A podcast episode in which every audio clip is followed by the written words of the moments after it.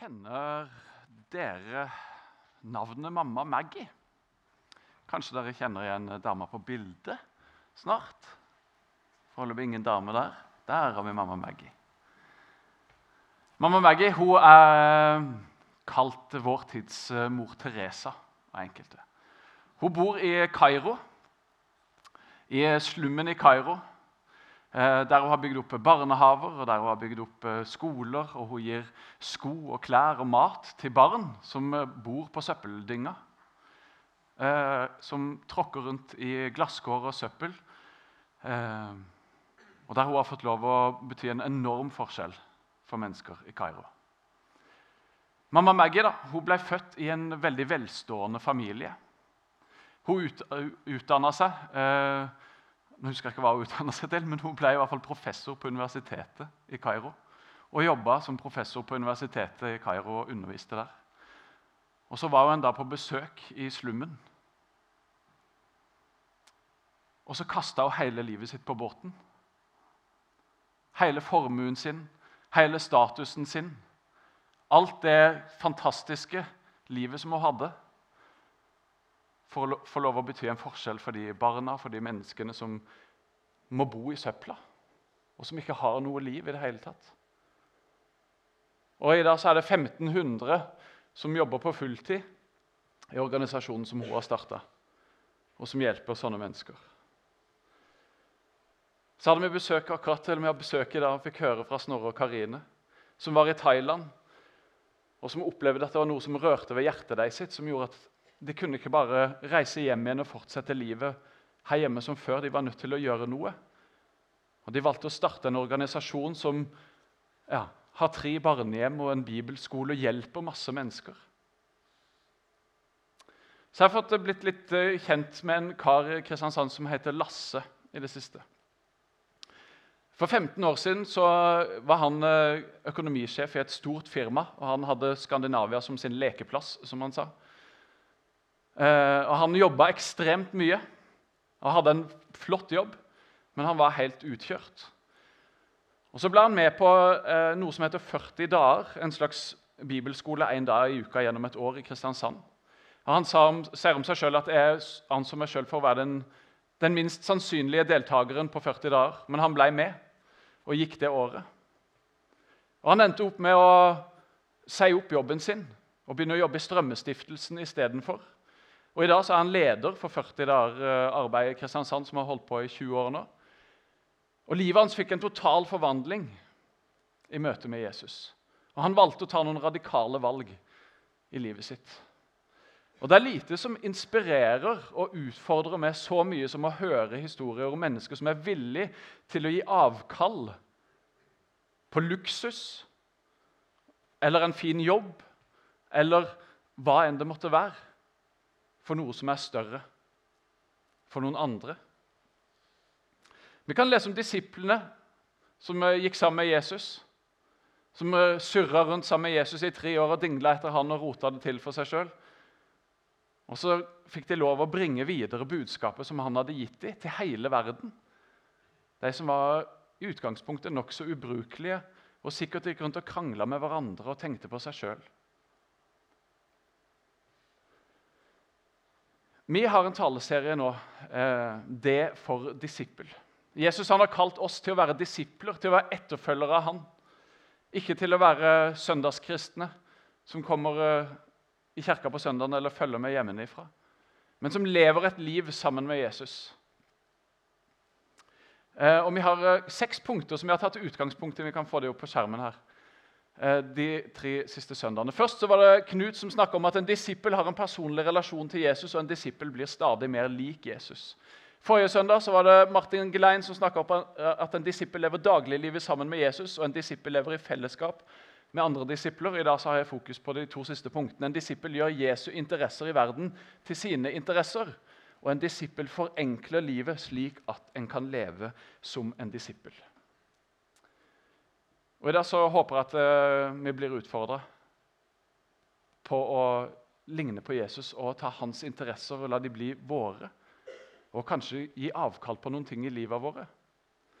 Men så er det så utrolig viktig, helt avgjørende, At vi begynner på rett sted. Og Det er som Martin sa sist. Å være en disippel og være en etterfølger av noen det var vanlig på Jesu tid. Det var mange rabbier som hadde disipler. Og Det viktigste det var ikke kunnskapen som den rabbien hadde og ga videre, men det var personen sjøl. Det var mesteren sjøl. Og det er det her òg. Når vi skal være disipler av Jesus, så handler det veldig lite om oss. Det handler veldig lite om disippelen, men det handler alt om mesteren, han som vi følger. Han som vi får lov å tilhøre. Han som har noen interesser i denne verden som vi får lov å ta del i og være en del av. Han som ga avkall på alt for å gi oss alt. Han får vi lov å tilhøre, han får vi lov å tjene, han får vi lov å følge etter. Og Så kan det være at du er på et sted i livet akkurat nå at, at du kjenner at jeg, jeg, jeg har nok med meg sjøl, jeg klarer ikke noe annet. Nei, men ha i hvert fall fokus på Jesus, for det er det som er det viktigste. Ikke kast han på båten og tenk at jeg orker ikke, for han skal sikkert få meg til å gjøre et eller annet, eller jeg må gå og gjøre sånn, eller jeg er nødt til å få nød for de menneskene. Nei, ha fokus på mesteren.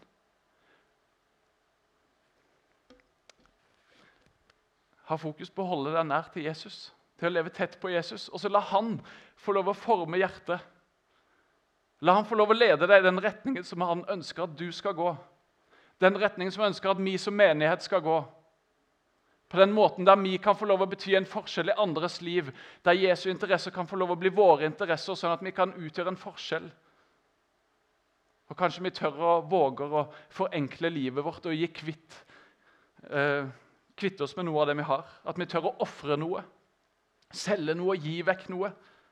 Kutte ut noe. Fordi at det finnes et høyere mål. Det finnes noe større enn meg og mitt liv. Han heter Jesus. Han er selve livet. Han var villig til å gi livet sitt for du og meg.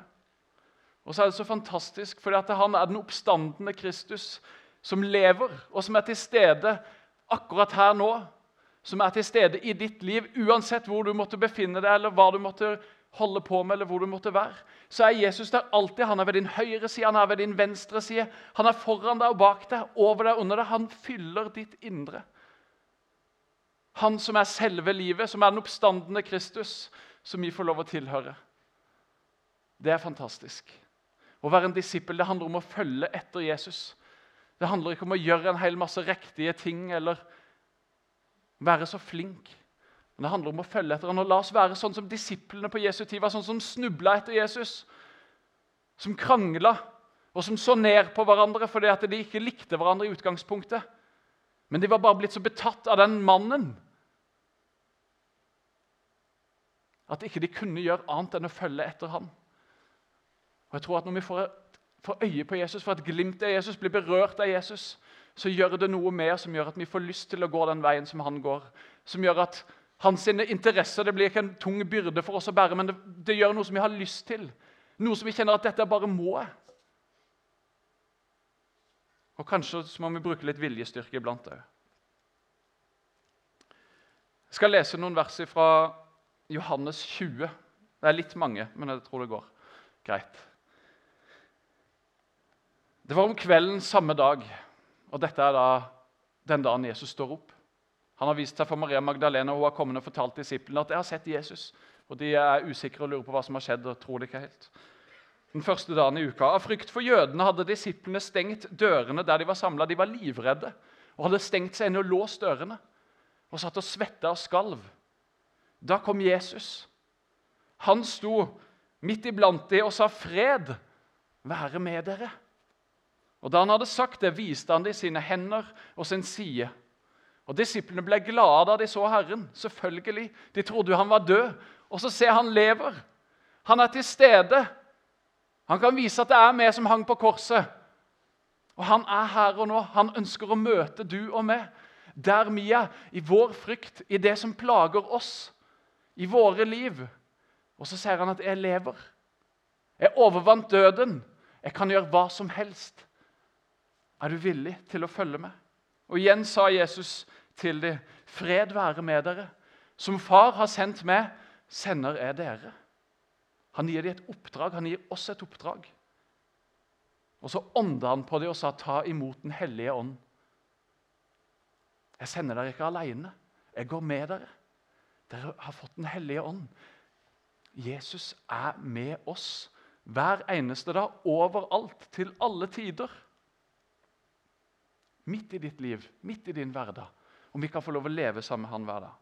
Så står det videre Thomas, en av de tolv, han som ble kalt Tvillingen, var ikke sammen med de andre disiplene da Jesus kom. 'Vi har sett Herren', sa de til han. Men han sa, 'Dersom ikke jeg får se naglemerkene i hendene hans og får stikke fingeren i dem, og stikke handa i sida hans, kan jeg ikke tro.' Og Kanskje du òg har det sånn. Nei, 'Jeg har aldri opplevd Jesus. Jeg har ikke sett han. Jeg har hørt andre snakke om han, men jeg kan ikke tro på det der sjøl.' Åtte dager seinere var disiplene igjen samla, og Thomas var sammen med dem. Da kom Jesus mens dørene var lukka. Han sto midt iblant dem og sa, 'Fred være med dere.' Han har fred å komme med. Han har gode nyheter. Så sier han til Thomas, 'Kom. Kom med fingeren. Se, her er hendene mine. Kom med handa og stikk den i sida mi.' Og vær ikke vantro, men troende. Han ser Thomas, han som ble kalt tvileren iblant. Som ikke kunne tro det som de andre fortalte. Jesus så han, og Jesus han ser det, om du har det sånn. Og så ser han, 'Kom, jeg er her. Du kan stikke fingrene i såra mine. Jeg lever. Det er sant. Jeg ønsker å leve sammen med deg.' Og Thomas sier, 'Min Herre og min Gud'. Thomas blir overbevist. Thomas kaster seg på kne for føttene hans og sier, 'Jeg vil følge deg. Jeg gir livet mitt til deg.' Og Det sies om Thomas at han brakte evangeliet til India. Jesus sier til ham, 'For det du har sett meg, tror du, salige er de som ikke ser, og likevel tror.' Jesus gjorde òg mange andre tegn for øynene på disiplene, skriver Johannes. Tegn som det ikke er skrevet om i denne boka. Men disse er skrevet ned for at dere skal tro at Jesus er Messias, Guds sønn, og for at dere ved troen skal ha liv i hans navn. Så Disiplene og Johannes de skrev dette ned for at vi skulle tro være overbevist om at Jesus er Messias, Guds sønn. Den levende som overvant døden og sto opp igjen, og som er midt iblant oss for å gi oss liv. Han ønsker å gi oss liv og fred og glede og frihet. Hva er Jesu interesser i verden? Jo, det er akkurat det det er. Det er fred, det er frihet, det er glede, det er liv. Det er frelse. At mennesker skal komme til tro. Og ordet frelse, som vi har oversatt med 'frelse' i vår bibel På gresk så betyr det dere ordet rommer så mye. Og Det betyr egentlig å gjøre hel. Jesus han helbreda de syke. Han kasta ut demoner. Han reiste opp de som var undertrykt, som var bundet, og satte fanger i frihet. Det var det Jesus kom for. Det er Jesu interesser i denne verden. Rettferdighet. Vår neste og Kort oppsummert egentlig, så kan vi si at det Jesus er opptatt av, det som er Jesu interesser i vår verden, det er mennesker. Det er du og meg. Det er vårt liv, vår hverdag. Og så er det ikke minst alle de som vi har rundt oss. Det er naboen vår, det er kollegaen vår, det er barna våre, det er foreldrene våre. Det er Grimstads befolkning. Det er flyktningene i Myanmar. Det er de som vi har rundt oss. Og du og meg inkludert. Jesu interesse er mennesker.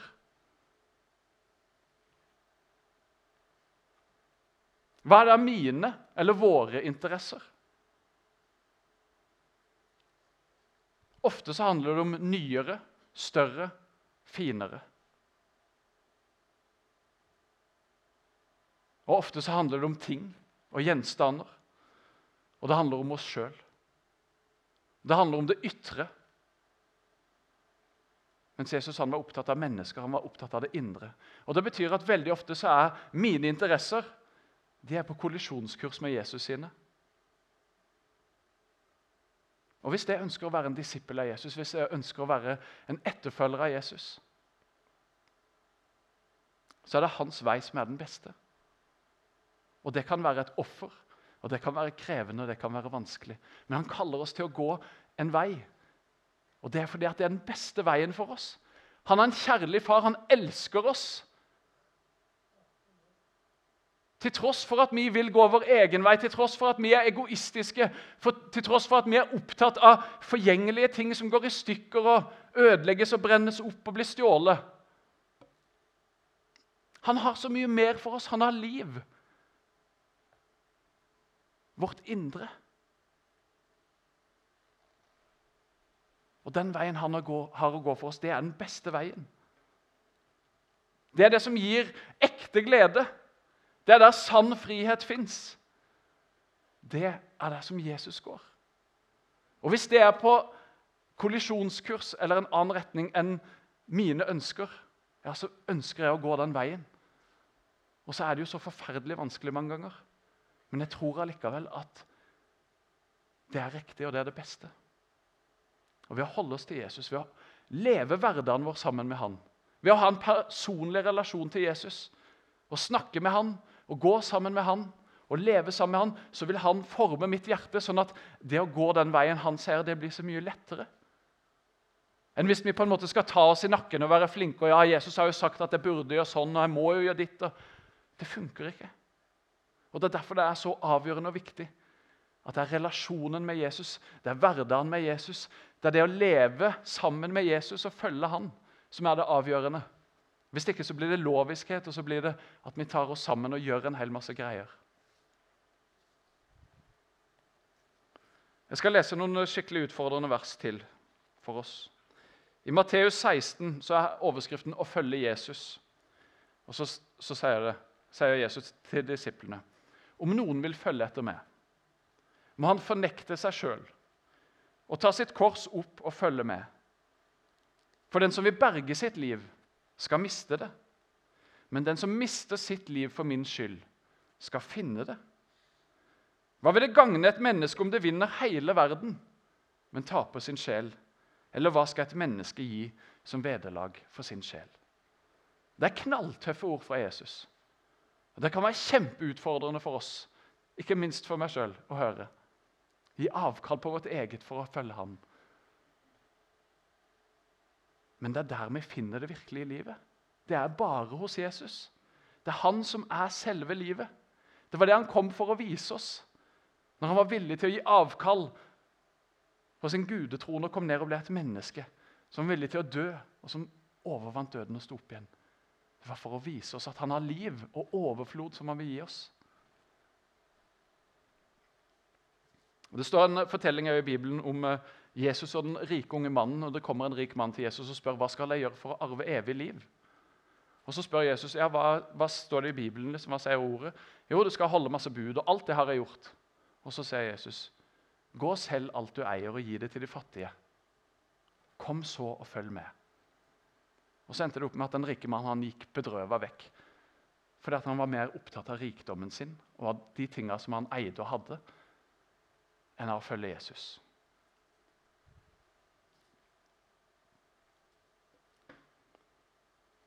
Ja, Nå hopper jeg over et viktig punkt. Et spørsmål til oss angående interesser. For hvilke interesser i ditt og mitt liv står i veien for Jesus sine? Det er et spørsmål vi kan stille oss, og kanskje først og fremst et spørsmål vi kan stille Jesus fordi at han lever og vi kan ha en personlig relasjon til ham. Det er fantastisk. Så kan vi spørre Jesus du Jesus, hvilke ting i mitt liv, hvilke interesser er det jeg har som står i veien og som ødelegger for dine, som gjør at jeg ikke kan gå den veien som du ønsker, som jeg kan ha behov av godt for å gi avkall på. Spør Jesus om det. Det er utfordringa til oss. En av de for i dag. Og Så var det den rike unge mannen som ble bedt om å selge alt han eier og gi det til de fattige. og komme og følge Jesus. Og vi eier utrolig mye. Og vi lever hektiske liv. Kanskje de er blitt litt roligere i koronatid, og for noen så har det vært en velsignelse å få bedre tid. Og Kanskje noen har vært mye på Finn og kvitta seg med ting òg. Men det å forenkle livsstilen vår, sånn at vi får tid og anledning til å være disipler til å følge etter Jesus, det tror jeg er noe vi helt konkret kan gjøre. Vi kan selge ting, vi kan kvitte oss med ting. Vi kan roe ned tempoet, forenkle livet vårt. Sånn at det å følge Jesus blir førsteprioritet og ikke femteprioritet i livet.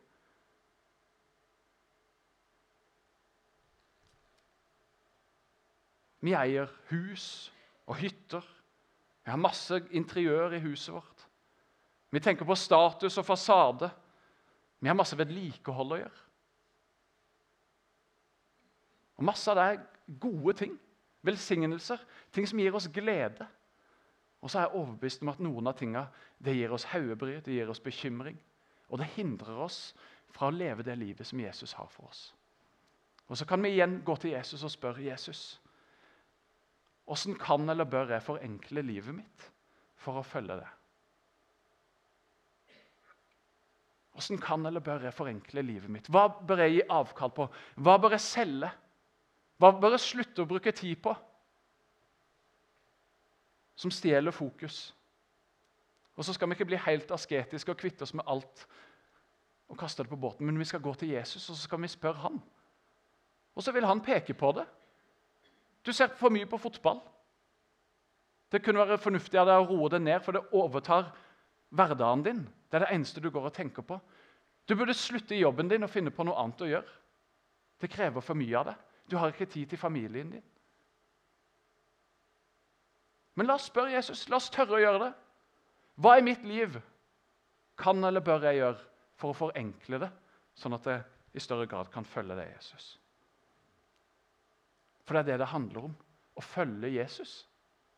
Det er så enkelt, og så er det så vanskelig. Men å være en disippel og være en etterfølger av Jesus ja, det handler om å følge Han som er selve livet. Han som har gitt oss alt vi har, som en gave, som har sagt 'vær så god, forvalte'. Og så kan Han gjøre noe med oss som gjør at vi ønsker å forvalte vår tid, våre penger, våre eiendeler etter hans vilje og gå i den retningen som han ønsker. Og da igjen så handler det først og fremst om å leve livet sitt sammen med Jesus. Ikke om å ta seg i nakken og gjøre de rette tinga, men å leve og ha en personlig relasjon til Jesus der vi snakker med ham. Jesus, hva ønsker du med mitt liv? Hvilken vei ønsker du at jeg skal gå? Hva ser du at jeg bør ta tak i? Og vær mest opptatt av det. Å gå sammen med Jesus. Å involvere han i livet ditt og spørre han om retningen videre framfor å begynne å gjøre en hel masse ting og kvitte deg med alt mulig. Men snuble rundt i livet sammen med Jesus. Siden påske har jeg opplevd å bli fylt av en sånn utrolig mye større Jesusbegeistring i livet mitt enn jeg har gjort tidligere. Og Det er utrolig godt å kjenne på. Og En av de tingene som jeg helt konkret har gjort, det var at i påska så leste jeg bibelteksten og satte meg inn i de og prøvde å leve sammen med Jesus sånn. Og så Etter påske så har jeg begynt å stå opp litt tidligere på morgenen og så går jeg med en tur på 20 minutter. Jeg skal få bli kjent med en i kveld som går mye lenger enn meg. Men eh, jeg går en tur, og der er jeg sammen med Jesus. Så legger jeg dagen i hans hender.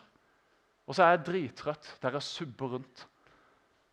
Men så forsøker jeg bare å være med Jesus. Og det gjør noe med meg.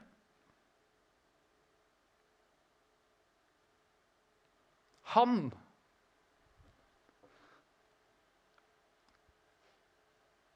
gjør noe med meg. Det er han det handler om. Det er ikke å gjøre de rette tinga. Det er ikke å lese mer i Bibelen eller be oftere. Eller. Men det er Jesus. Det er som Knut leste innledningsvis fra boka til Edin. Ham selv, det lille heftet han hadde fått. Jeg skal vie livet mitt til å bli stadig bedre kjent med Jesus. Og det har jeg da gjort sier Edin. Og så har han åpna en vei for så mange andre å gå inn i, der vi kan få lov å følge etter Edin, men først og fremst følge etter Jesus.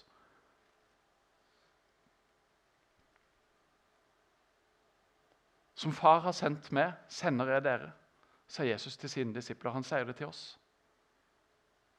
Først og fremst så handler det om å være en disippel, det handler om å følge Jesus. Å leve livet sammen med Jesus, ha en personlig relasjon til Jesus. Og Dernest så handler det om å gi videre det som vi har fått. Men vi kan ikke gi videre noe som ikke vi har. Men hos Jesus så fins alt. Han er selve livet. Han har en retning for ditt og mitt liv. Han kan røre ved deg. Han kan gi deg nød for de tinga som ikke du har nå. Og han er til stede akkurat her og akkurat nå. Så still de her spørsmålene til Jesus i dag, i uka som kommer, i tida som ligger foran. Hvilke egne interesser står i veien for dine, Jesus? Og Hvordan kan eller bør jeg forenkle livet mitt for å følge det? Jesus er til stede i ditt liv.